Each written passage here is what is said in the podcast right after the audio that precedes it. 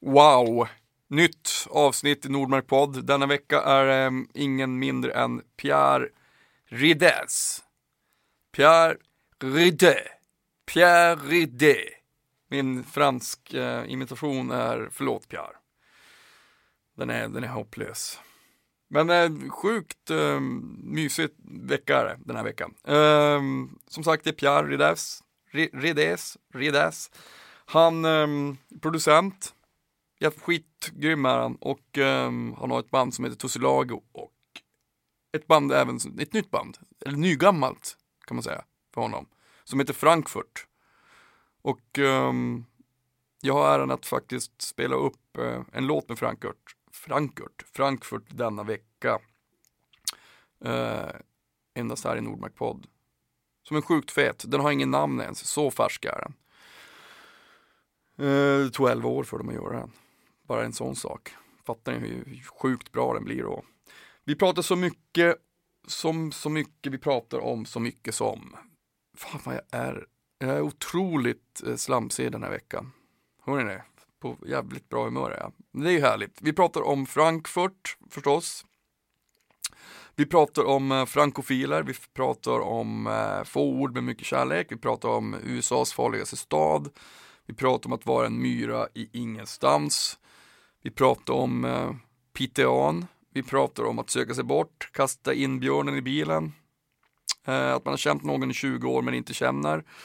Lära känna varandra pratar vi om. Vi pratar om tassa runt, orolighet, eh, att coolt att lära sig saker, korvstroganoff hår och eh, marimba eller hårdrock-solo.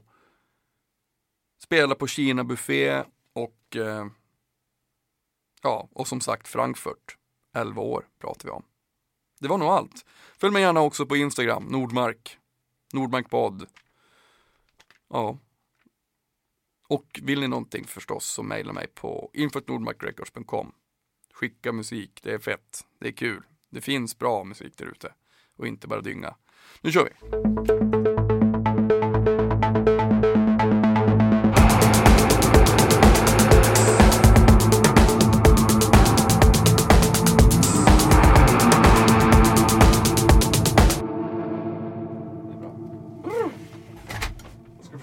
Välkommen till Nordmark oh, hej. Oh, tack. Pierre Ridés tackar. Oh. Pierre Ridés. Ridé. Voilà. var, du, var du sa ditt namn igen? Pierre, inte Riddes som jag skulle vilja säga. Pierre Nej, just Riddes. det. Har du lärt dig? Har du Rid övat? Nej, Pierre, Pierre, Rid Pierre, Pierre Ridé. Pierre. Pierre. Ja. Pierre Ridé. Det är superbra. Ja. Funkar det? Det tycker jag låter är, det, är, det för, är det för lite franskt? Du säger fan, fan, bättre än mig. Hur, hur, var, hur är det? Det är din... Ja. Välkommen förresten. Skål. Mysigt. Trevligt. Mm. Mm. Ja, men var, var det din morsa eller var det din farsa som var från Frankrike? Det är min farfar. Din farfar? Det närmsta ledet. det är närmsta ledet. Min far, min far är halvfransk men eh, de är lite frankofiler båda mina föräldrar så att de eh, har bott i Frankrike och pratar franska. Och eh, gör hela den där grejen. Eh, att ha en lägenhet i Frankrike och sådär. Vadå, har de kvar det nu? Den har de i och för sig faktiskt precis nu sålt. Aha. Så det kan man inte... Var, var det i Paris eller? I Cannes. Ja. Utkanten. Men brukar du, har du, no, har du kvar no, no, några band till, till Frankrike eller? Brukar ni åka dit? Ja, alltså de, jo, men alltså som sagt vi anspelar väldigt mycket på vårat påbrå liksom. Mm. Det, det, det gillar de att, det gillar vi att Men göra. din farfar, hur sa han då? Han sa ridé. Ja, alltså han, han var ju stenhårt fransk, han kunde ju inte svenska. Mm. Så att våran relation var, var väldigt baserad på få ord. men ändå mycket kärlek. Ja, ja. Han dog när jag var typ åtta, så att, så att det var liksom men han, eh, han var otroligt fransk. Han jobbade på Air France hela, hela sin svenska period och de hängde bara med fransmän på den tiden. Liksom. Så ja. de, han spelade boll och plockade svamp och eh, hade inga svenska kompisar. Och så var det för, för de fransmännen som jobbade på Air France back in the day. Mm. Eller jag kan väl inte svara för det, jag var inte där. Men så vet jag vet så de hängde ihop liksom alla fransmän då. Som bodde i Sverige. Ja. Så att det, var väl, det var väl en väldigt fransk uppväxt. Min farmor fick prata franska och liksom min pappa och hans bröder alla ganska franska i grunden. Men du kände att du bara, nej fuck that, den, den franska grammatiken den är för svår. Jag är ju faktiskt på sist. Kan man få vara ung svensk musiker för en gångs skull? Snälla pappa, får jag bara vara svensk? Nej men jag var väl peppad ett tag där men eh, nej, alltså jag, jag om, om en svensk frågar om jag kan franska och om jag har feeling Mm. kanske jag kommer ljuga och säga att jag kan det. Mm. Men eh, för det mesta så eh, slår det tillbaka. Mm. När det kommer fram. Men har, men har du varit, vad, vad, är, vad är din favoritstad? Jag älskar ju Paris, det är så klyschig jag är ju. Jag tycker det är så jävla nice stad. Ja men det är väl det, ja jag får väl faktiskt ta och lov att hålla med där. Om jag skulle säga en stad i Frankrike. Cannes är ju jättefint men eh, jag var inte så mycket där för att det fanns inte så mycket att göra. Bortsett från att hänga på stranden. Nej. Vilket var toppen nice. Jag kommer ihåg jag gick, min brorsa och jag var där en gång. Och var ute och drack öl och liksom gick längs den här croisetten och bara vad, vi, nu är vi fulla, nu vill vi gå ut och dansa. Och så frågade vi några så här, det, går, det är tjejer som står vid de här, det är så här trappor ner vid stranden, så finns det lite ställen och så står det tjejer och tar emot den i dörren. Och vi frågade dem liksom, hej, så här, vi vill dansa så här. Mm. Vart går man och dansar? Och de typ skrattar åt oss och bara, vadå typ? Ni får väl gå på en yacht. Eller så här, vad Mm. menar ni typ? Alltså det finns liksom Det finns Vi typ vet bara... om den här yachten som är jakten som jag säger. Ja just det, jakten. Den Som, som, som, gå till den, där finns det dans. Ja, det är ver- verkligen så. Och eh, det finns ett ställe som heter Bauli, men alltså det är så, det är verkligen, det är, det är, eh, jag vill nog ändå säga att det finns en fördom kring Cannes som lite stämmer. Att det är Ja. lite så här posh. Ja. Men det var jätteroligt ändå.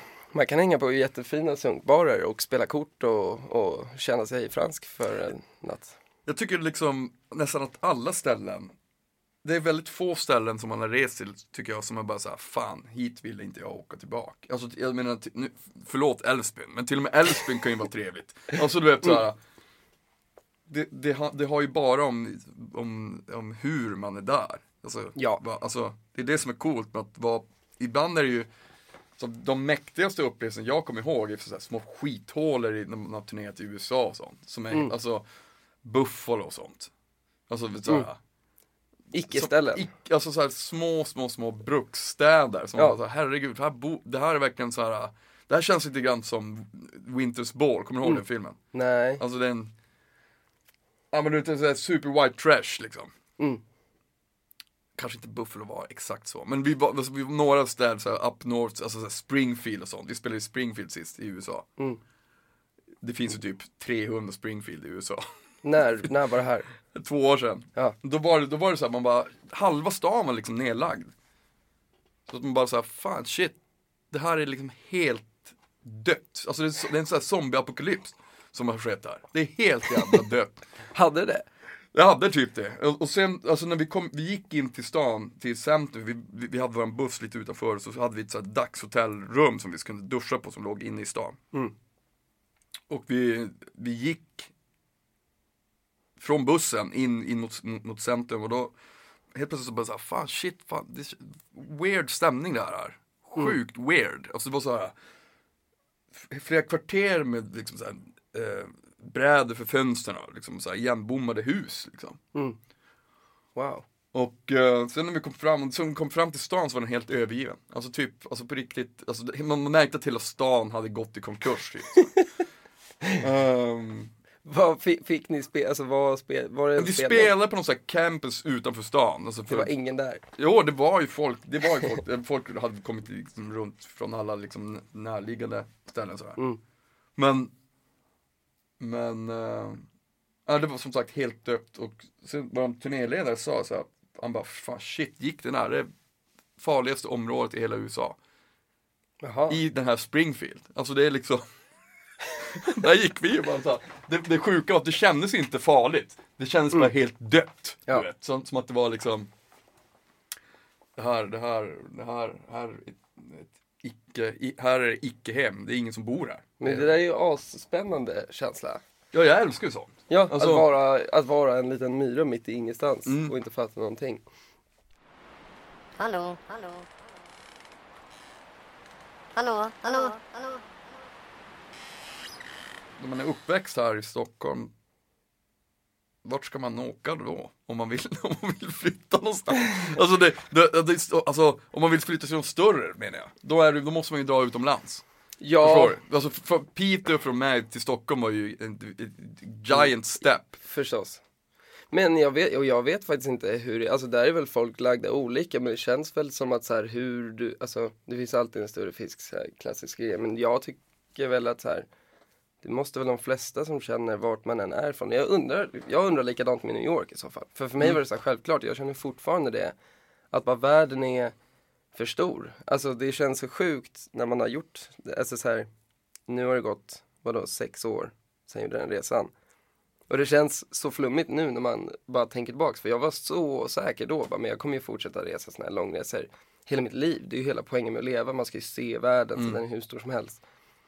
Och det är kul för att jag lever lite på de gamla meriterna fortfarande. Att jag tror att jag är typ en så här världsupptäckare som bara liksom går emot strömmen och gör det jag vill. Fast nu så bara, men vänta, det var ju verkligen, det, det var ju senast jag gjorde en sån lång resa. var ju då liksom. Ehm, så att jag, som svar på din fråga så säger jag att ja, precis, man måste ju bara, ja, Stockholm känns ju inte som världens största stad. Men jag älskar Stockholm och jag tycker det är toppen här och jag är jätteglad. Men Det är ju, det är ju, alltså, men det är det jag menar. Det finns en sån här, jag- lite så här avunds- alltså nu är ju Stockholm min hemstad. Alltså, alltså för att jag har ju bott här längre Ja. än, än vad jag gjorde i Norrland. Men, men det finns en sån här, ganska skön, eller jag trodde förr att det var självklart att man hela tiden som sagt söker sig bort. Mm. Men det är, det, är, det är jävligt skönt att känna så att, men det här är min födelsedag, jag tycker den är grym. Mm. Så kände ju inte jag med Pete, förlåt Piteå. Alltså jag älskar att vara på besök. Men jag, jag, känner att jag, jag känner att jag skulle inte kunna bo där. Det är, för- det är alltså jag, det var, jag flyttade ju där, därifrån av en anledning. Jag är ju väldigt känner- sugen på att flytta till Piteå. Du var det ja. Nej, kanske inte flytta permanent, men jag skulle verkligen Du, vilja du och dejtar ju en tjej därifrån. dejtade en tjej från Piteå som var också väldigt duktig på att göra så här väldigt eh, härligt pittoreska aktiviteter som man kan göra där. Alltså så här, vandra i bergen och liksom vara en sån duktig Men måste, hon, var ändå tvungen att, hon var tvungen att, ni var tvungen att, hon var tvungen att åka lite från Piteå, det är ju det är superflackt Piteå. Ja, men hon åkte där. lite från, men hela, allting kring Piteå blev helt eh, superspännande. Hon åkte upp en helg och vi hade hängt i Stockholm så åkte hon upp en helg och då så höll, så höll hon på att bli, eller hon höll inte alls på, men det var en björn som gick lös i Mm. Piteå. Hon berättade att hon var och promenerade och liksom en bil så här tvärnitar och kastar in den i bilen och bara det är björnlös!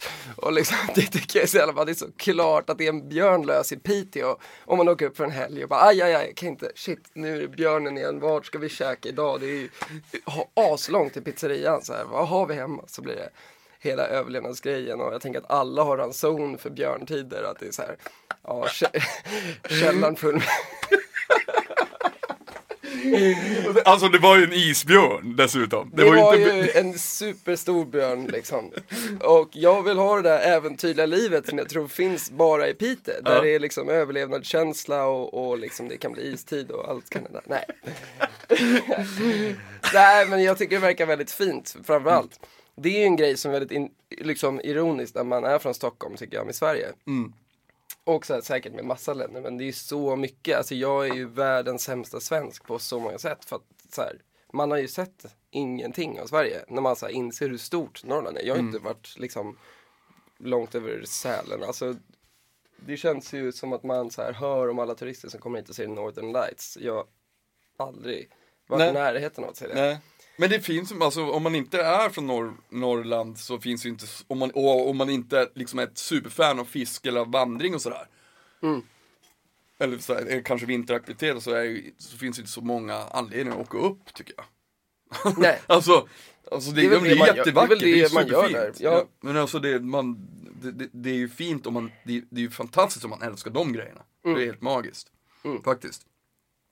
Jo men det, jag tänker att man, jag är ju aspeppad på de grejerna men man är ju liksom, man gör ju så stora grejer av att åka härifrån Ja. hela tiden. Det Jo. blir en sån stor affär varje gång. Där man bara skulle kunna bli helt mycket bättre på Mm. att här, se det man har omkring sig. Precis. Så kontentan är liksom att man, man är avundsjuk egentligen på folk som älskar sin hemstad. Just. Men ändå som vill man dra. Man är avundsjuk på folk som älskar sin hemstad men som vill se annat och som gör det också. exakt. Men ibland tänker jag när man har, jag har turnerat så mycket så tänker jag så att, för jag, då har man sett så, så, så många grejer. Mm. Men att man också då,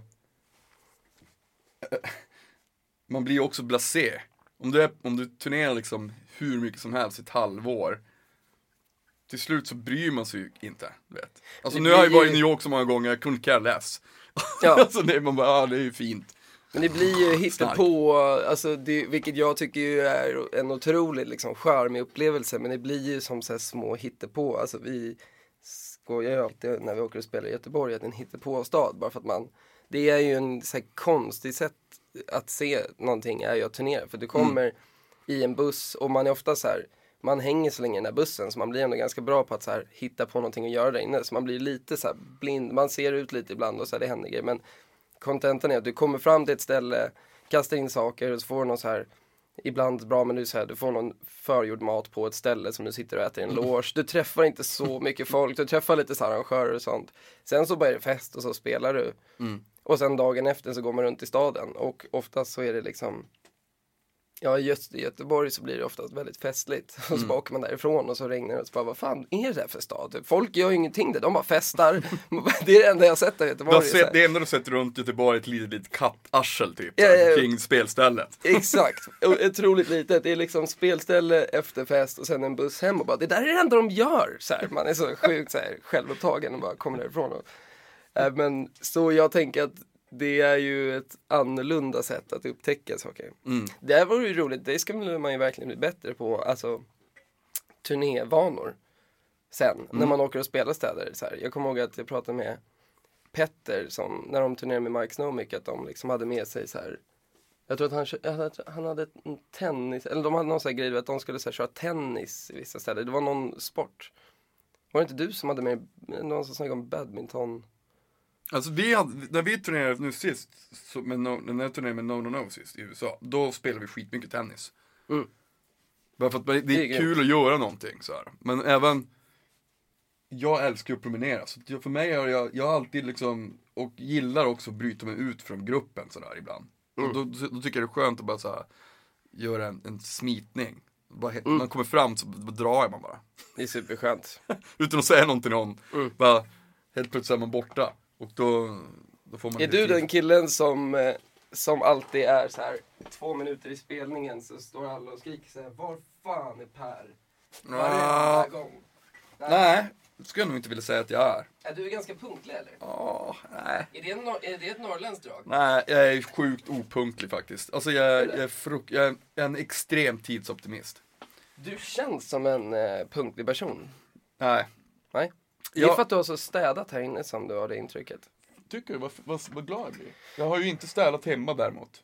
Nej, men okej. Men här vill jag ha städat. Ja, Alltså, men det- vad sjukt. Jag är likadan. Ja. Jag, det jag prioriterar, jag tar ju alla mina fina lampor och så, allting. Det är alltid studion. Men här är ju man ju mest, så här vill man ju ha det finast. Ja. Och rent liksom. Det är så Jag får, jag får jag känner så här panik om det är så här stökigt och jävligt här. Ja. Det blir inget kul. Men jag tänkte på, jag menar vi har ju, jag har ju känt det i, några år sådär. Men Mm. det som slog mig i morse när, när jag visste att du skulle komma hit så tänkte jag så här att, att det finns folk som jag har känt i 20 år. Mm. Men som jag fortfarande inte känner. Ganska många. Och då tänkte jag så här att, fan shit, det är ganska vanligt tror jag. Alltså, man känner ju, stor del av dem man känner, känner man ju. Men om du verkligen Mm. tänker efter, hur, hur väl känner du dem? Så Ja. därför tänkte jag att vi ska lära känna varandra nu. Som att vi inte har känt varandra. Hej förresten. Per heter jag. Pärlan. Pirre. Trevligt. Det är trevligt. Hej Per, vad kul att Ja. träffas. Fan, hur gör man? Alltså hur, hur skulle man liksom det, man tar saker för så givet liksom. Vet du, om man lär känna någon så går man ju aldrig, man, man börjar ju inte så här. om du och jag när vi har träffats, Mm. så har jag ju inte ställt frågan så här, men Pierre, hur var det? Var det, var det när du växte upp? Vad, vad höll du på med? Eller så vad var ditt favoritintresse? Så här. Då hade du, Mm. då hade du bara tyckt, då hade du bara tyckt att jag var skitkonstig. Det hade varit fint. Varför Eller- gör man inte det mer, tänker jag? Faktiskt. Alltså man, man, är, man har, man har ju så, man har någon sån där, så att man har ju något filter för att man inte får ställa vissa saker för det framstår ju som weird. Om du, om du ställer så här, om vi träffas nu så börjar du helt plötsligt fråga mig out of the blue, hur jag var som barn. Då blir det ju väldigt, det kan ju bli, det gör man ju inte, när, när ställer man de frågorna? Ställer man, när, Det hur väl känner man dem? När man börjar ställa sådana frågor. Alltså, då, då känner man ju någon bra. Men Det borde tyck- väl komma ganska tidigt tycker jag. Varför ska man tassa runt saker? Ja, men alltså framförallt för att det där kommer väl när man har liksom så arbetat, så här, tuggat sig igenom det, för det som egentligen är intressant just nu. Alltså så här, det är ju superviktigt vad som har lett dig till den du är idag, men jag lär ju känna dig för den du är nu. Så. Så du menar att man, igenom- man, man går, man, man, eh, man, alla människor omedvetet lever alltid i nuet för att man, man, man är alltid där det är mest intressant på något sätt. Nej, men jag tänker väl att så här, om, man, om man inte känner någon eller om man känner någon ytligt så är det väl egentligen så här. Alltså, jag tycker att det är ju, jag menar inte att, vara, att det är oartigt eller artigt, men det är väl snarare så här, det blir ju konstigt om jag träffar dig och ska fokusera på ditt bagage. Alltså för att du, man ändras ju hela tiden och så här, du kan, jag, bara, jag kan ha varit as-osoft som barn och veta om det. Och sen så är jag grym nu. Ja. Och bara då hade jag ju inte velat så här, att Fast det är jag menar- första frågan, eller förstår du vad jag menar? Att det är Jo, så här, men jag menar jag vill ju veta, I, I wanna know all about the core. ja, all about the Alltså, cause. då, då, då, då vill man ju, det vore inte så konstigt tycker jag. Nej, nej men det är klart du ska göra det, alltså det är ju toppen. Men jag bara menar varför det kanske, det, det kanske naturliga är väl att man så här, man lär känna den som är nu. Och sen när man fattar allting så bara, men hur blev du så här? Så får man väl liksom, Men då- när man är nykär i någon, alltså så här, om man är nykär och, alltså då menar jag även med kompisar liksom. Mm. Då kommer ju sånt där tycker jag, ganska snabbt. Alltså så här när man sitter och, Men har inte du också, du måste ju också ha polare som du har känt länge men som du aldrig kommer nära in på. Ja, en del, alltså det, såklart. Så, det, så det, fin, alltså, det finns ju sådana som jag, som jag har känt verkligen jättelänge och jag kommer aldrig stå dem nära. Om jag inte nu liksom ställer de här frågorna, jag kanske, de kanske inte svarar. Men där tycker jag ju, ja men absolut, och det håller jag med om. Och då kan man ju ibland, alltså där kan jag ju ibland känna att de personerna som man har känt längst, inte alltid, alltså på ett sätt så känner man ju dem bäst. Jo. Men å andra sidan så tar man ju inte de där snacken så ofta med de polare man har känt sedan man var såhär 10, Nej, 15. För då ska, så de, då ska de ge dig den här blicken. Ja, bara, vad, vad håller du på med? Kan vi bara hänga som Ja. vanligt? Vad- Du, vad är det med dig? Varför, frå, varför frågar du? Varför slutade du spela i NHL när vi sitter så vi är mitt i matchen? Nej men eh, där är det ju, och därför blir det väl lite lättare så tycker jag när man ska träffa nya vänner liksom. Så har jag haft med, eller de senaste åren när man är liksom över så här 23 och lär känna någon ny. Mm. Så kommer det där oftast lite med sig själv tycker jag. Att man, så här, då är man ju genuint nyfiken för att man bara, "Åh, gud vi, vi klickar ju asbra. Mm. Typ så här du och jag. Mm. Så bara, då är det ju helt plötsligt en helt annan grej. För jag har bara sett en så här promille av dig som person under din livstid. Jo. Vem var du som barn Per? Ja. Ja, men var jag? Jag var, jag var ganska, jag var, jag var nog, eller Ibland, ibland när jag tänker på när jag var barn så tänker jag också så här: shit den personen finns ju inte längre. Den jag var som barn. Mm. Men det var ju jag. Såklart. Men jag var ju helt annorlunda. Finns den inte alls? Finns den inte någonstans? Jo men det är klart det finns, det är klart att det finns, att det finns en essens av mig. Som, eftersom att det är jag. Mm. Men, ja hur var jag som barn? Ganska snäll, faktiskt, tror Mm. jag. Kanske lite retsticka också och väldigt orolig. Så jag oroar mig skitmycket om Mm. massa saker. Sådär. Glad utåt och ibland jätteledsen invärtes över, över massa, alltså jag hade världens bästa uppväxt. Mm. Jag tror bara att liksom att allt handlar inte bara om miljö utan man är ju en cocktail, du vet. Mm. Eh, Men de där grejerna som du precis beskrev, alltså så här, din orolighet och hur du var, hade Mm. invärtes. Har det, är det inte längre en del av din personlighet? jo, ibland är det jag det är, det är så, sådana saker som jag har jobbat jättemycket med. Mm. Att inte liksom noja över saker. Mm. Nu tycker inte jag att jag gör det längre. Jag var helt övertygad om att det skulle hända min familj någonting och sådär. Mm. Liksom, och, som blev såhär, ibland stundtals lite manisk över det. Mm. Det, har, det har jag liksom helt, det har jag jobbat bort. Känner jag. Ibland kan jag få ett sån, en sån släng, ni vet så att man bara så här fastnar i en loop, så bara, fan att man oroar sig med någonting. Men jag tycker nog att jag har liksom lyckats bearbeta bort det ganska väl. Sen Mm. har jag kvar vissa saker av min personlighet förstås. Vissa energier som jag tycker är likadana. En Mm. del har till och med förstärkts. Men jag, för jag kommer Mm. ihåg, vi har pratat någon gång om det förut, men för du var ju, ni var ju unga, du var väl yngst i Fireside när Ja. ni började spela.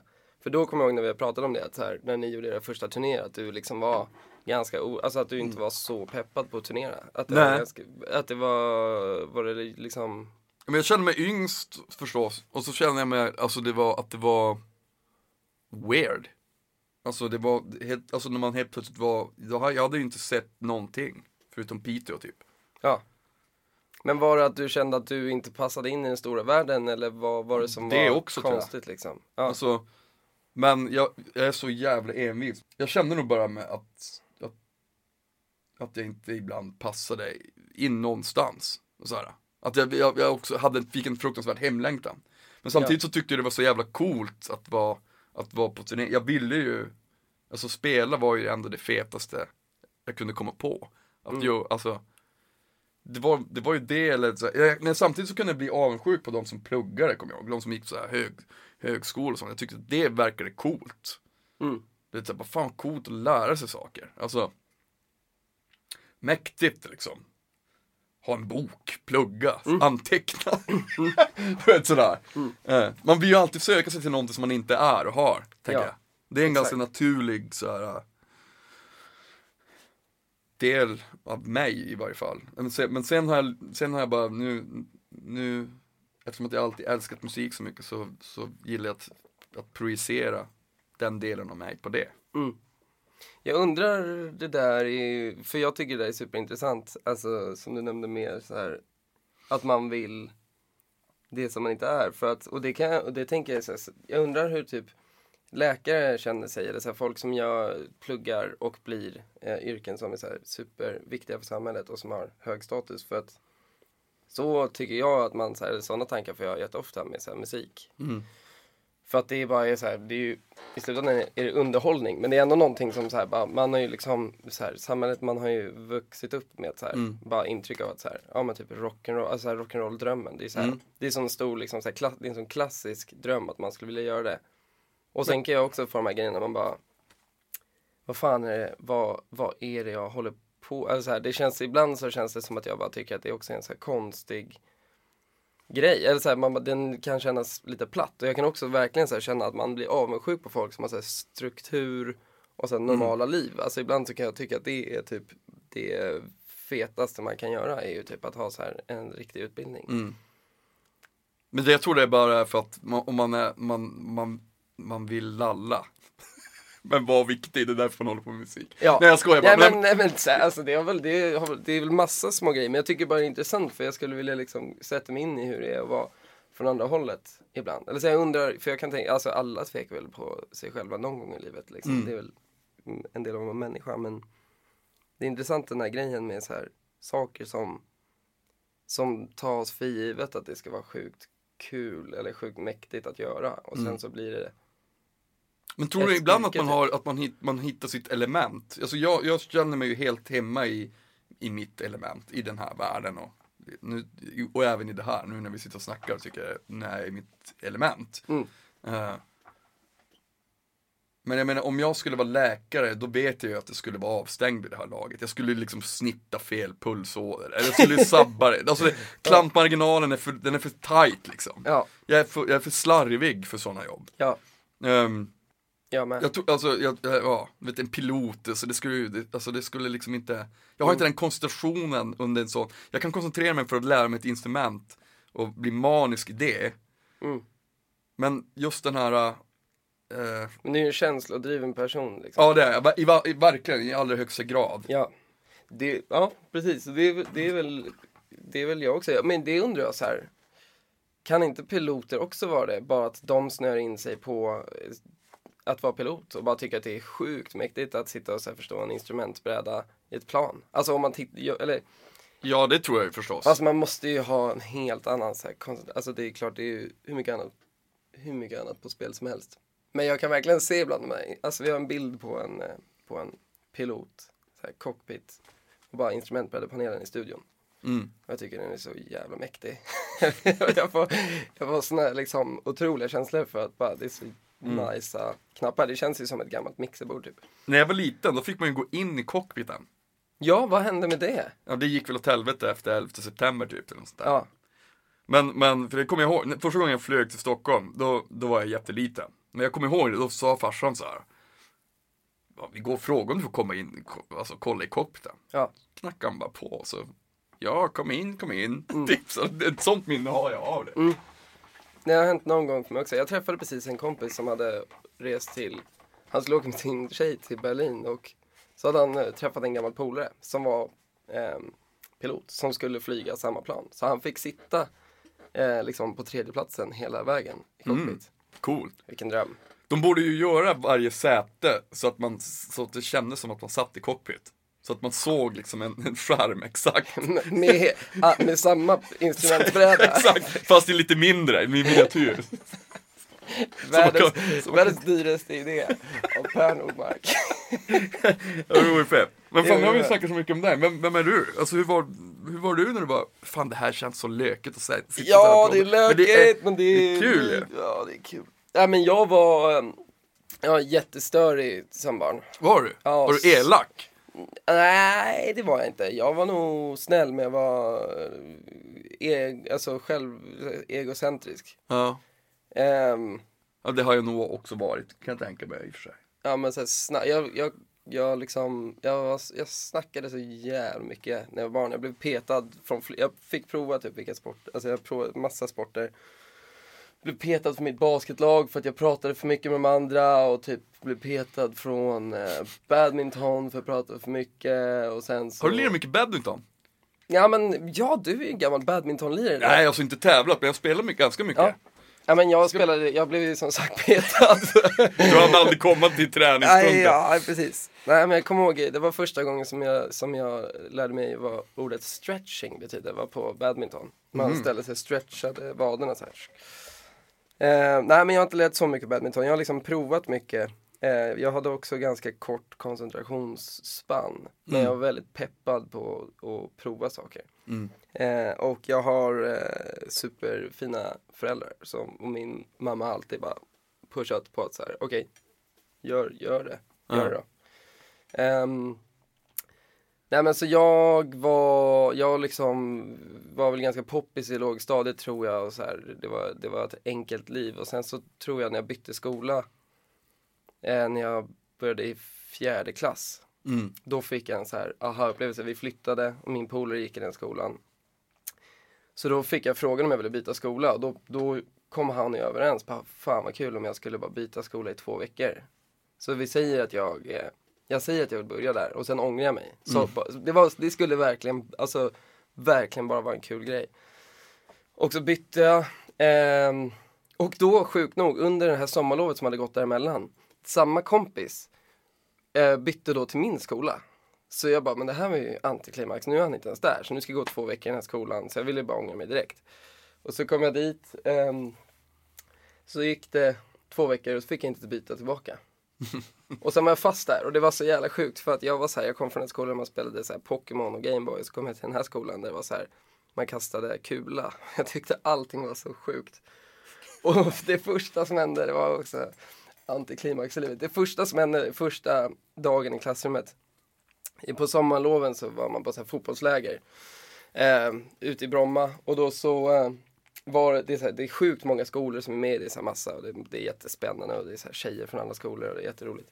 Och jag var en sån här pajas liksom så jag skulle alltid skoja och göra roliga saker. Och så fick man matlådor så här. Den dagen som jag kommer ihåg, då var det korvstroganoff med ris som man fick så här, en matlåda varmt liksom. I en sån här liten plast med ett litet plastlock. Och så skulle jag gå fram till den här gruppen med den andra skolan och vara lite rolig så jag gick fram till Fredrik, en kille som jag kände otroligt ytligt. Och bara, eh, och så skulle jag skämta, jag kommer inte ihåg vad jag sa men det var någonting så här. Eh, vill du ha min korvstroganoff så skulle jag håll, hålla den upp och ner över hans huvud på skoj.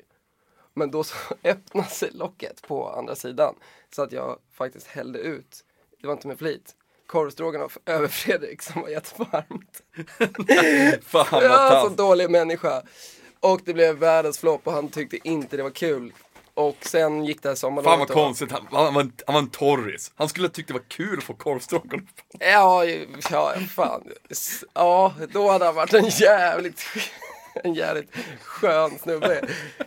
Men eh, så gick det här sommarlovet och så kom jag in i det här klassrummet och det som jag inte har en aning om, jag kan ingenting. Och alla vänder sig om och den första, den första blicken jag möter är Fredrik som inte ser peppad ut på att jag ska börja hans klass.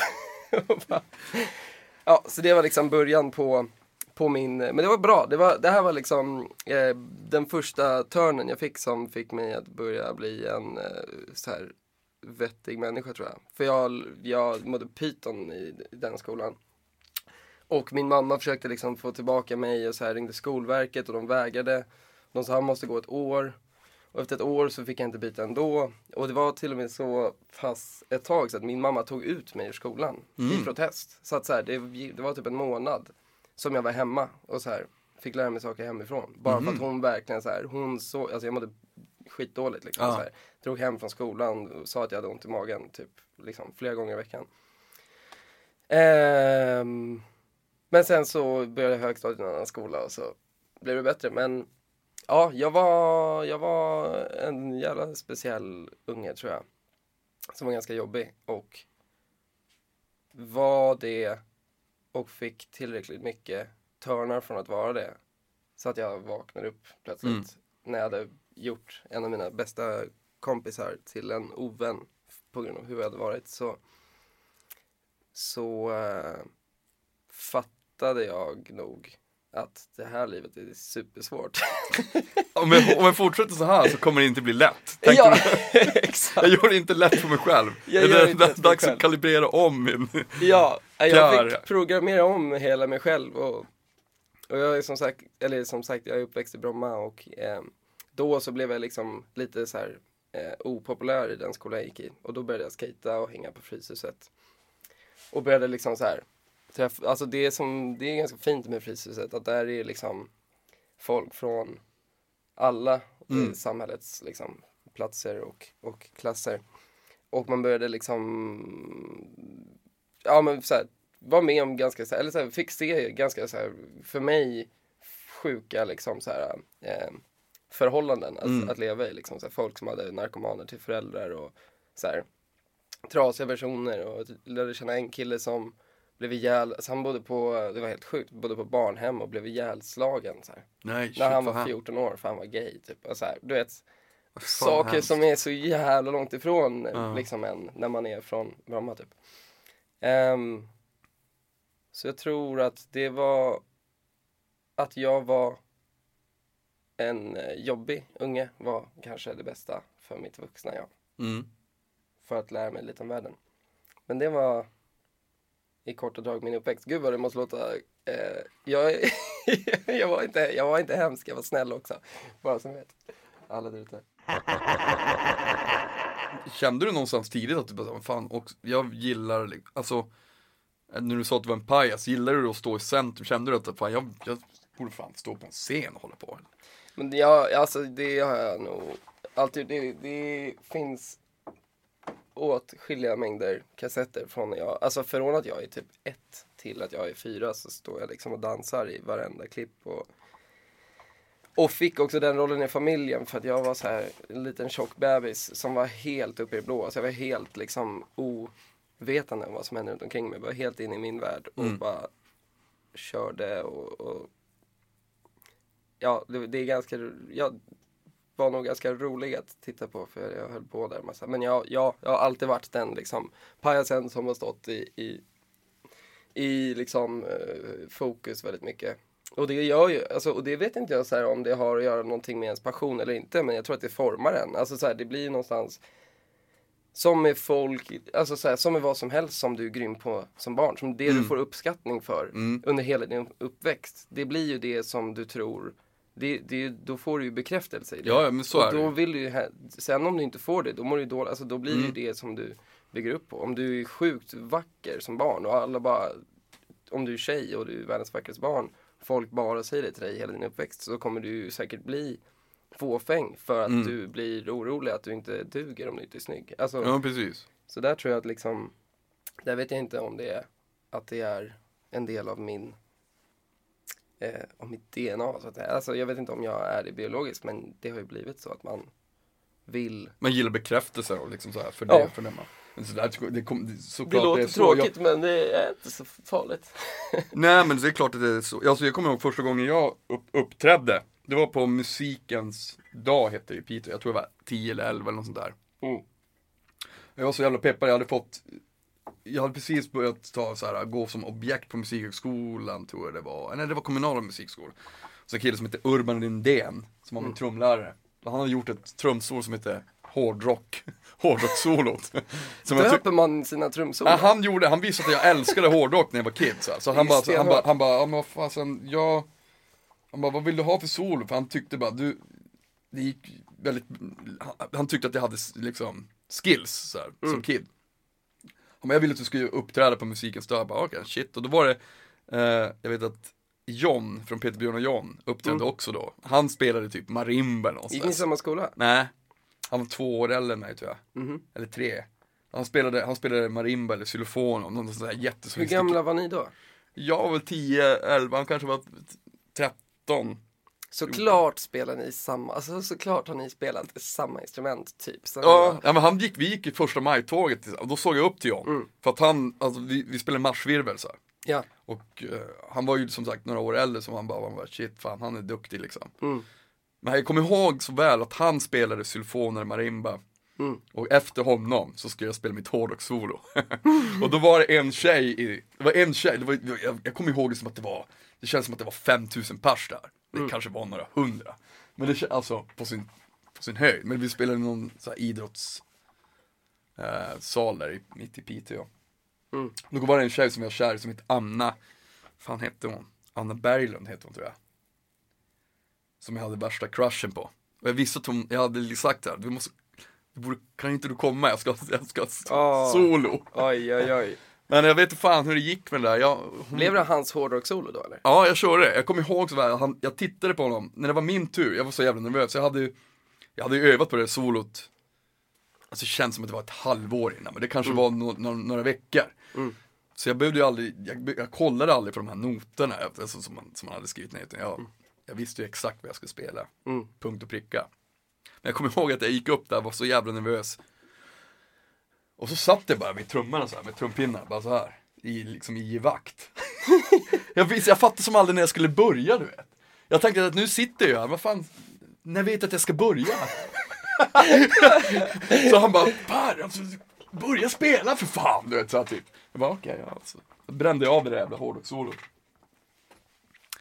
Och det gick väl bra, antar jag. Men jag vet inte hur det gick med, med tjejen där. Jag, Fan vad jag hade velat, det här låter ju som värsta high school-filmen. Ja, jo, det var det. Jag kommer ihåg att det, Kommer du ihåg trumsolot idag tror du? Nej, det gör jag inte. Det gör du inte? Nej, det gör jag inte. Grejen är att jag tror att det finns fortfarande hemma någonstans. Kan du inte höra av dig till Urban? Fatta vad mäktigt Urban att ta fram. jag ska få höra av mig till honom. Nej, han, betyder, han betyder skitmycket för mig. Han, fa- han fattade vad jag ville göra liksom. Mm.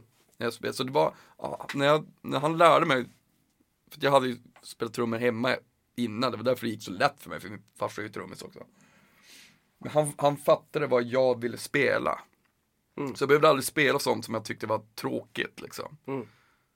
Nu skulle du lära dig spela bossan, bossa. Och jag bara, nej, måste jag det? Han bara, nej det behöver du inte. Du kan få spela hårdrock istället. Gud vad skönt. Ja, då fan, då lär man sig mer också. Ja, det ja, tror jag jag.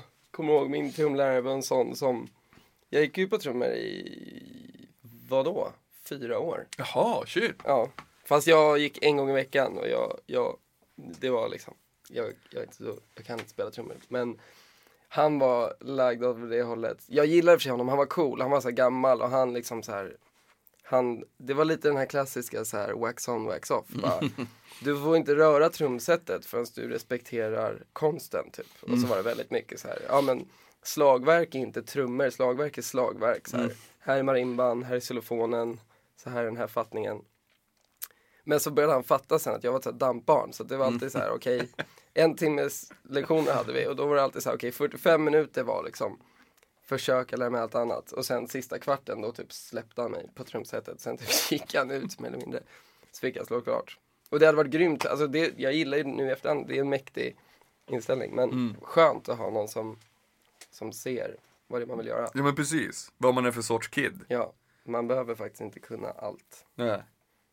Precis. Men du, jag tänkte på, um, du, du har ju ett band som heter Tussilago, men du har också, och hur, hur ser det ut för er nu?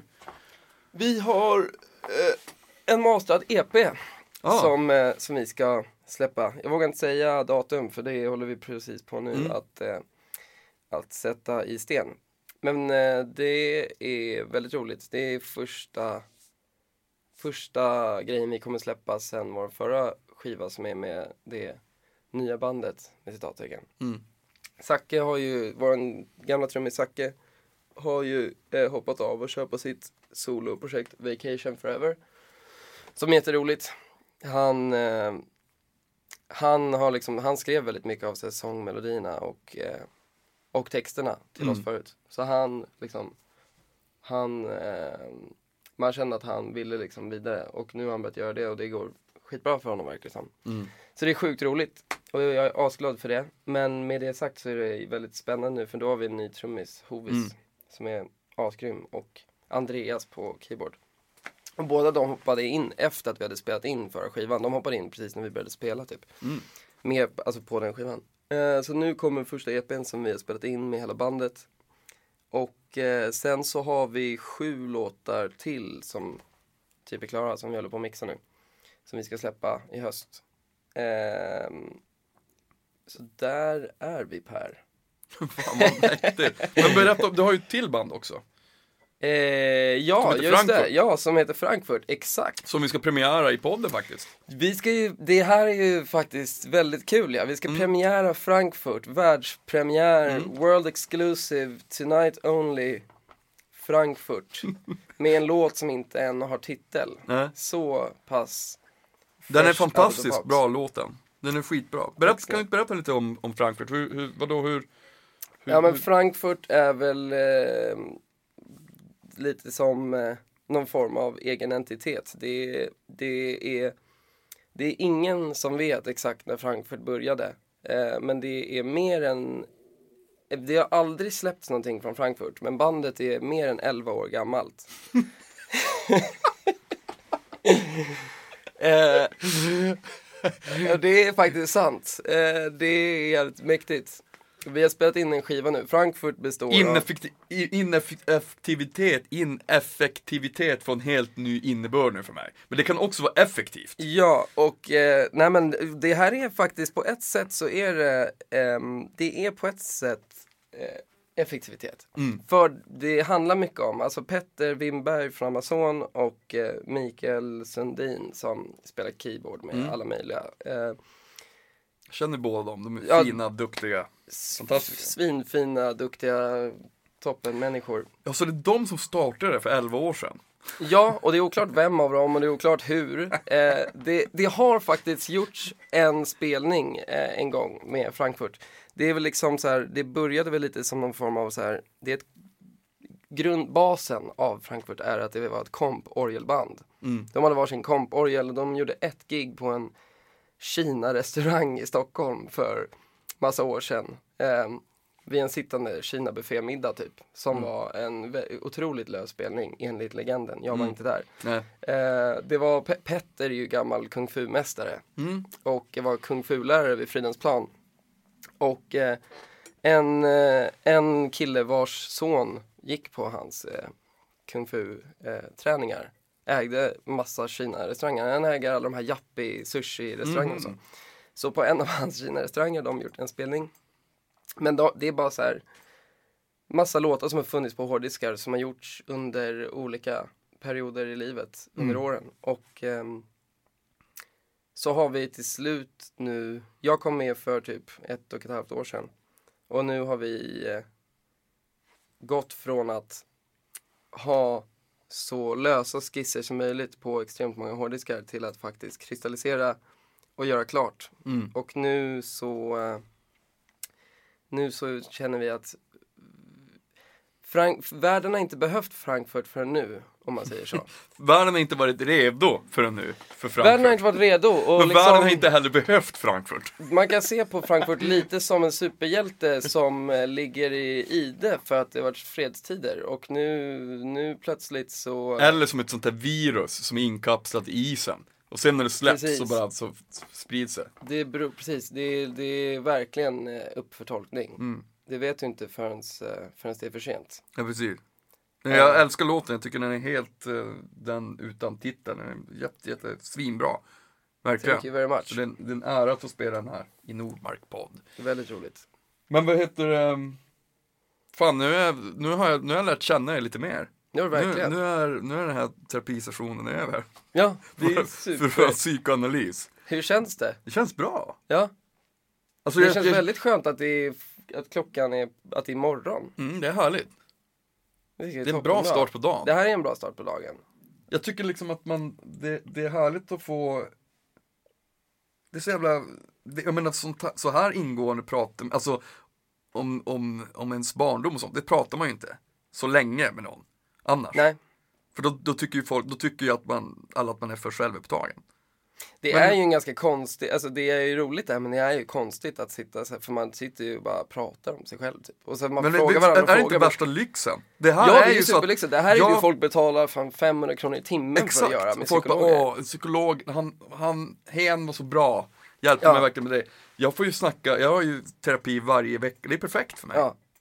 Om Det jag är hyr, råegoistiskt för mig. jag tycker det är toppen. Kan inte vi bara ha, stänga av mickarna och bara köra en gång i veckan? Ja men det kan vi göra. Fast det kommer inte bli samma sak. Det blir skarpt läge med micken på alltså. Vi kan ju spela in och, Ja men du, jag har, jag, det är som du tänker, nu när jag tänker på Frankfurt, du är också en sån här, du är en hoarder, du kan spela in saker, jag är ju inte det.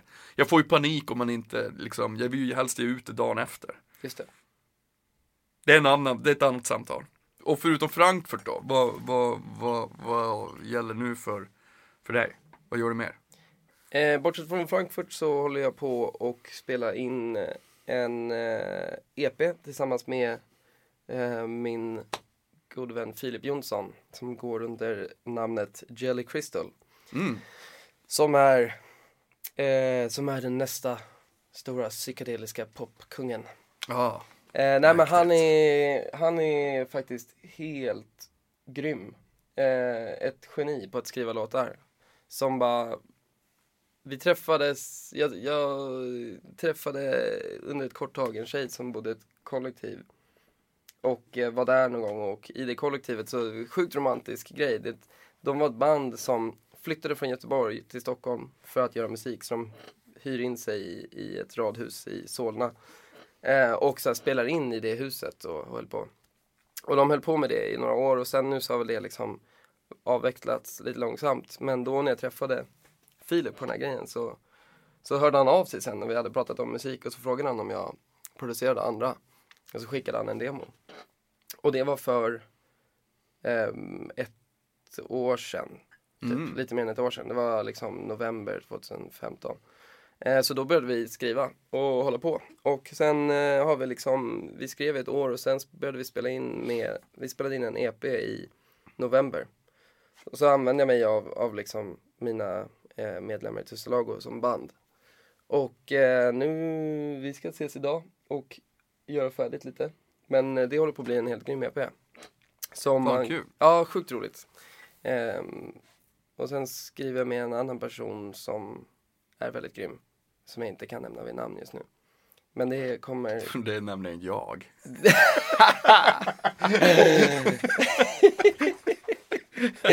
ja men fan vad spännande, det ja, blir... ja, men det är roligt. Det är lite, det ska bli väldigt kul. Det är den här fasen när man, när man verkligen så här, det har, det har kommit in saker på hårddiskar och nu längtar man verkligen efter det här avslutet av att känna så här, fan vad roligt när det här är klart och mixat och man kan lämna ifrån sig det till folk som ska jobba med att få ut det. det, det ser jag sjukt mycket fram emot. Fan vad spännande, grymt ju. Jätteroligt. Nu säger vi så. Tack för Okej. att du kom. Du Tack Per! kram. Kram! Trevligt. Du luktar sjukt gott. Alltid. Ja, det gör jag fan. Pierre, fan vad fin du är. Nu kör vi, vad heter det, lite ny musik. Världspremiär här i, i Nordmark podd med Frankfurt. Namnlös låt. Svinbra. Hej då!